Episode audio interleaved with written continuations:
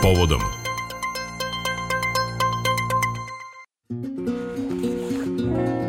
10 sati i 10 minuta, otvaramo novi sat našeg prepodnevnog programa i otvaramo ga sa rubrikom Povodom u kojoj govorimo da uredba o zamenskim voucherima za turističko putovanje koje je otkazano ili nije realizovano usled bolesti COVID-19 predviđa da do 1. februara ove godine agencije moraju vratiti novac putnicima koji nisu iskoristili zamenske vouchere za putovanja koja su uplatili dakle pre pandemije. Turističke agencije od početka ove godine godine vraćaju novac putnicima. E sad, kako teče taj proces? Da li će biti ispoštovani rokovi? Ima li problema? To su teme o kojima razgovaram sa Aleksandrom Seničićem iz Nacionalne asocijacije turističkih agencija Juta. Dobar dan, dobrodošli u naš program ovako putem telefona. Dobar dan vama i slušalcima. Reč je o putnicima koji su svoje putovanje uplatili do 15. marta 2020. godine, a nisu iskoristili zamenske vouchere. E, pa možda nam dati informaciju za početak koliko je takvih putnika, odnosno aranžmana? Upravo ste, dakle, to je ono što je uredba vlade Republike Srbije regulisala, dakle, za sve uplate do 15. marta 2020. godine je produžen taj rok za vraćanje do 31. decembra prošle godine, odnosno sa početkom povraćaja novca od 1. januara do 1. februara ove godine. E, mi smo imali ukupan iznos onog trenutka kada je nastupila korona, negde je procene i statistike su govorile da je bilo negde oko 70 miliona eura novca koji je ostao što kod turističkih agencija, ali najčešće kod njihovih partnera u inostranstvu, kod prevoznika i drugih učesnika u, u ovom procesu.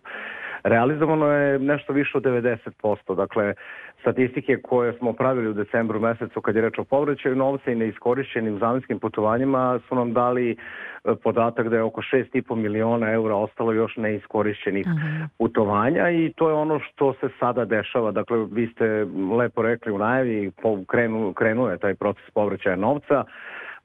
Još negde u, u novembru smo zabeležili prve slučajeve, dakle i pre roka pojedinih turističkih agencija koje se za to pripremile. A, najveći broj njih je krenuo odmah iza nove godine i taj proces teče relativno normalno i dobro uz naravno sugestiju svim putnicima koji nas možda sada slušaju, a nisu bili kontaktirani od strane turističke agencije, da svakako da bi dobili svoj novac budu u kontaktu, dakle da se jave turističkoj agenciji, da ostave svoje lične podatke, odnosno pre svega broj računa na koji očekuju da im se povrati novac, jer to je najsigurniji način da se ovaj proces do kraja završi. Dakle, prva adresa su turističke agencije i sada dakle, gledamo na osnovu ove tri sedmice koliko se po eto, tom nekom roku uh, odvija sve, teče bez nekih problema. Međutim, šta ako se desi da agencije uh, ne vrate novac? Šta onda rade putnici? Važno je da kažemo da putnici znaju dakle, da su sve agencije koje su izdale potvrde o zamenskim putovanjima u trenutku zaključivanja ugovora, a i tokom korone imale takozvane garancije putovanja, dakle garancije koje su bile obavezne da bi uopšte dobile licencu za rad. Te garancije mo, mogle su biti polisa osiguranja, što je i slučaj kod najvećih broja agencija i jedan deo agencija imao i drugu mogućnost, a to je ta bankarska garancija. Te garancije su visine u zavisnosti od prometa koje obavljaju firme, negde između 150 i 300 hiljada, odnosno 400 hiljada eura i to bi trebalo da bude novac iz koga će se, odnosno e, način iz koga će se putnici e, dobiti svoj novac, odnosno dobiti povraćaj novca ukoliko agencija nije u mogućnosti. Uh mhm. -huh. Za to je neophodno, dakle, ukoliko agencija posavetuje putnika da nema novca ili mu takvu informaciju da, e, bitno je jako da se onda kontaktira lokalna turistička inspekcija koja uvidom u dokumentaciju agencije treba da donese rešenje o insolventnosti i na osnovu tog rešenja se pokreće postupak kod osiguravajućih kuća. E, svi putnici uz tu potvrdu o zamenskim putovanjima su dobili i taj papir takozvane garancije putovanja, dakle na kojoj piše vrlo jasno ko je izdavalac garancije putovanja, to su, kažem, najčešće turi, e, osiguravajuće kompanije i onda kompletnu dokumentaciju kada se otvori proces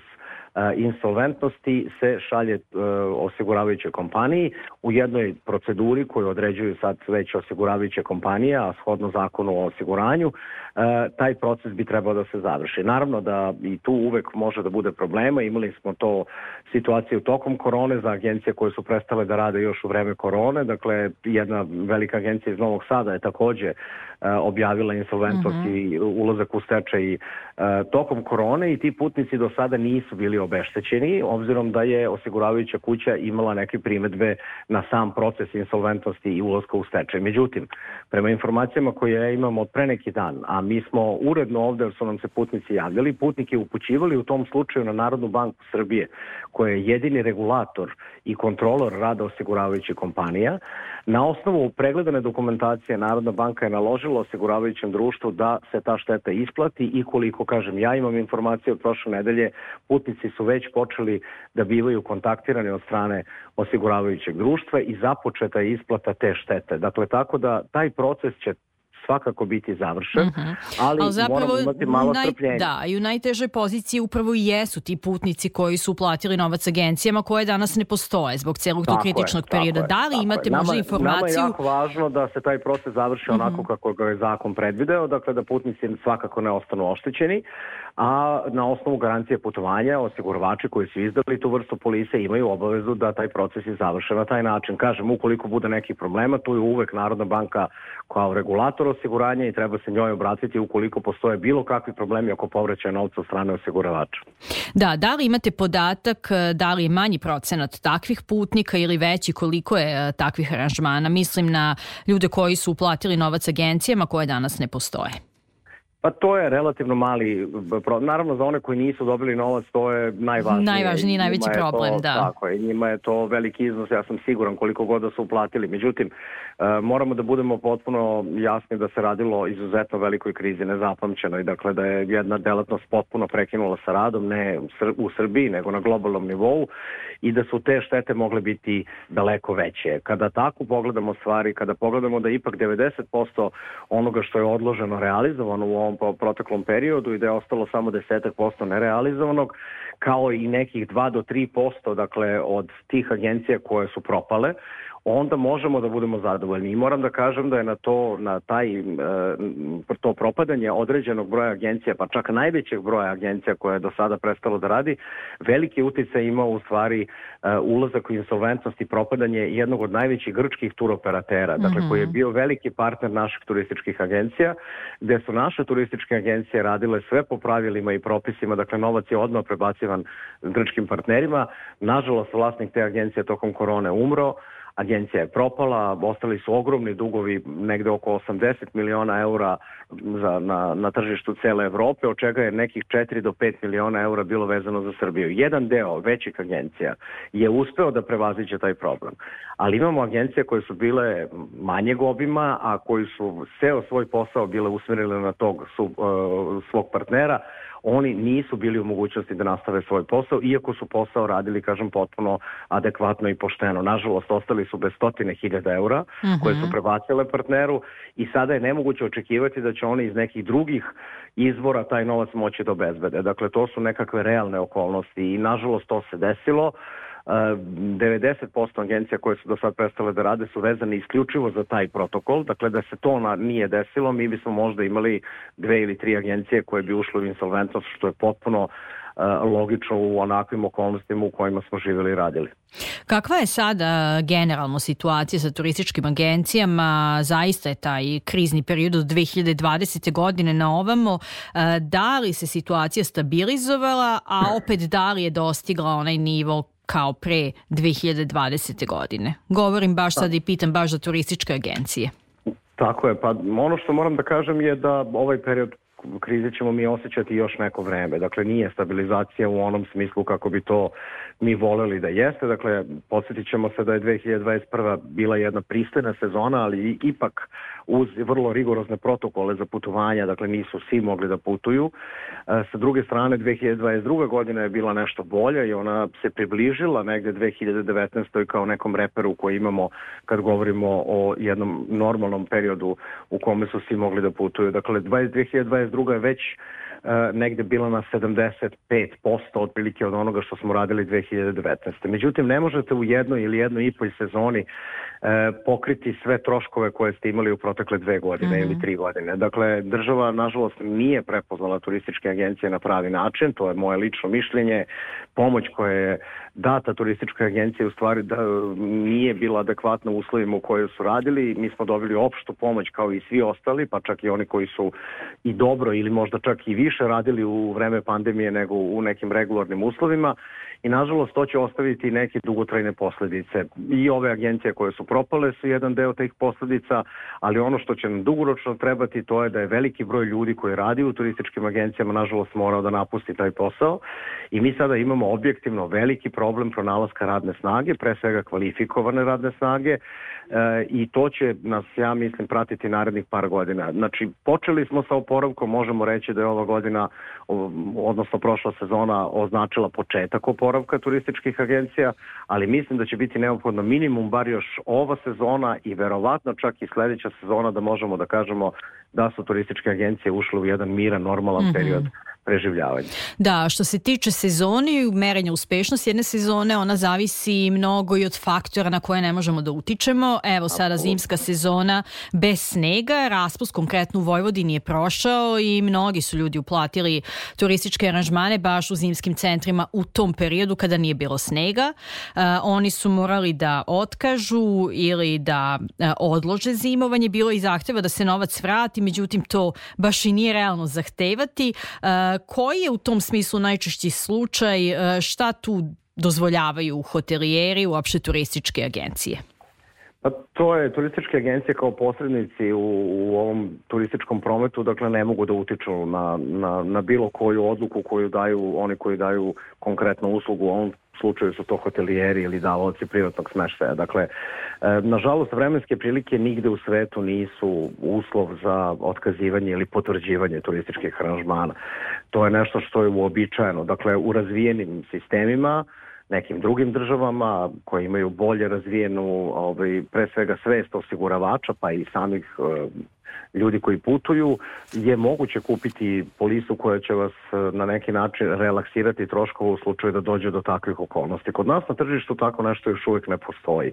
I iz tog razloga najveći broj hotelijera ne dozvoljava povraćaj novca, čak se insistira na korišćenju tih aranžmana, obzirom da su to udarni termini koje oni kasnije ne mogu nadoknaditi na bilo koji način, a sa druge strane imali smo i takvih pozitivnih primjera gde su određeni hotelijeri ili davoci privatnog smeštaja omogućavali ljudima koji su uplatili u terminima kada nije bilo snega da se uh, ti aranžmani prebace na neke naredbe termine u februaru ili u martu mesecu. Dakle, To je ono što je problematično, to se dešava i leti, mi imamo i leti pritužbe gostiju koji odlaze na letovanje pa ih zadesi da u 10 dana imaju 9 dana kišu ili da je neko nevreme dole i da nisu mogli da koriste svoj odmor, ali nažalost za to ne mogu da preuzmu odgovornost turističke agencije i davalci usluge. Da, to je ono zaista na šta ne možemo da utičemo, međutim zaista jesu brojni hotelijeri omogućili to odlaganje aranžmana za februar i mart kao što ste rekli, ali to sad otvara pitanje gužvi i na skijalištima, na stazama, pa to otvara pitanje bezbednosti. Da li postoji način da se to prevenira? Pa u ovom trenutku to ne možemo da znamo, vidjet ćemo kada krene. Mi smo imali takve situacije u prošlosti i relativno se, smo se dobro odnosili prema tome. Dakle, treba voditi računa najčešće na destinacijama kao što su Kopaonik, Stara planina, dakle skijaškim destinacijama, Jahorina konkretno u našem okruženju, e, se vodi računa o tome da određeni broj skijaša koje, gde je propusna moć e, žica na samim stazama takva da se ne preteruje, dakle da se ne ulazi u nekakav overbooking da će doći preveliki broj ljudi kojima neće moći, nećete moći da date adekvatnu uslugu. Ja verujem da su svi zajedno vodili računa o tome da nećemo doći u situaciju da imamo te uh, infrastrukturne probleme gde nećemo moći da obslužimo tako veliki broj ljudi, ali gužve kao gužve su neminovne i sigurno čekanje u redu za korišćenje žica i na samim skilištima treba biti dodatno oprezan i naravno voditi računa o sobstvenoj bezbednosti. Ono što stalno pominjemo i negde je molba putnicima da oni koji nemaju te polise putnog zdravstvenog osiguranja svakako to uplaćuju. Sada postoje poslednjih godina i polise osiguranja koji imaju taj dodatak za eventualne povrede na skijalištima.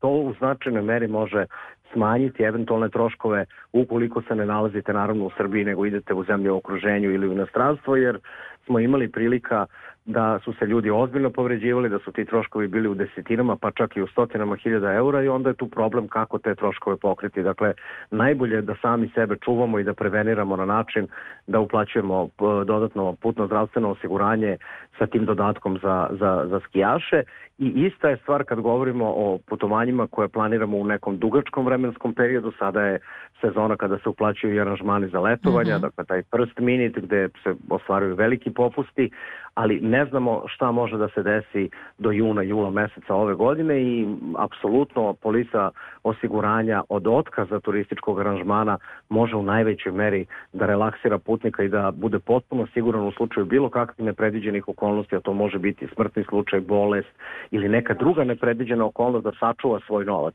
Jer kada uplaćuju po uh, first minute cenama, dakle kada se odmah isplaćuje ceo aranžman da bi se dobio taj veliki popust. E, takođe je agencija dužna da taj novac prebaci hotelijeru malte ne u istom danu i hotelijer ima vrlo striktne uslove, ne, nema povraćaja novca u slučaju otkazivanja ili pomeranja termina. Iz tog razloga želimo da edukujemo putnike da znaju da se čuvaju sami, dakle dodatnom polisom o otkazu turističkih aranžmana, oni mogu da sačuvaju svoj novac na način da jednostavno ne razmišljaju o tome šta može da se desi. To se posebno odnosi na ljude koji imaju malu decu, stare roditelje, mm -hmm. dakle ne možemo predvideti da li će se desiti neka okolnost, jer u tom slučaju zaista turistička agencija vezane su ruke, ne može puno da pomogne. I hajde onda vratimo još sada priču na početak e, i da završimo sa tim, da još jednom rezimiramo i pojasnimo u vezi sa uh, voucherima, odnosno povraćajem novca. Dakle, prva adresa nam je turistička agencija, zatim ako postoji uh, osiguravajuća kuća, lokalna turistička inspekcija, ukoliko postoji neki problem, a tu i Narodna banka Srbije. Da li Tako ima još neka adresa i eventualno gde putnici još mogu da dobiju sve informacije u vezi sa ovom temom? A ma putnici apsolutno mogu i kod nas, dakle u Nacionalnoj asociaciji turističkih agencija mi ovde imamo tri advokata, dakle ljudi koji daju pravne savete, apsolutno svi oni koji imaju bilo kakvu dilemu mogu da se da nam se obrate na naše brojeve telefona ili na naš mail, dakle sajt Jute je jedan od najposećenijih sajtova turističkih, tu mogu naći i sve informacije, ali kažem mogu nas i pozvati u, u toku radnog vremena i dobit će sve one relevantne informacije koje se tiču njihovih prava i zaštite njihovih prava.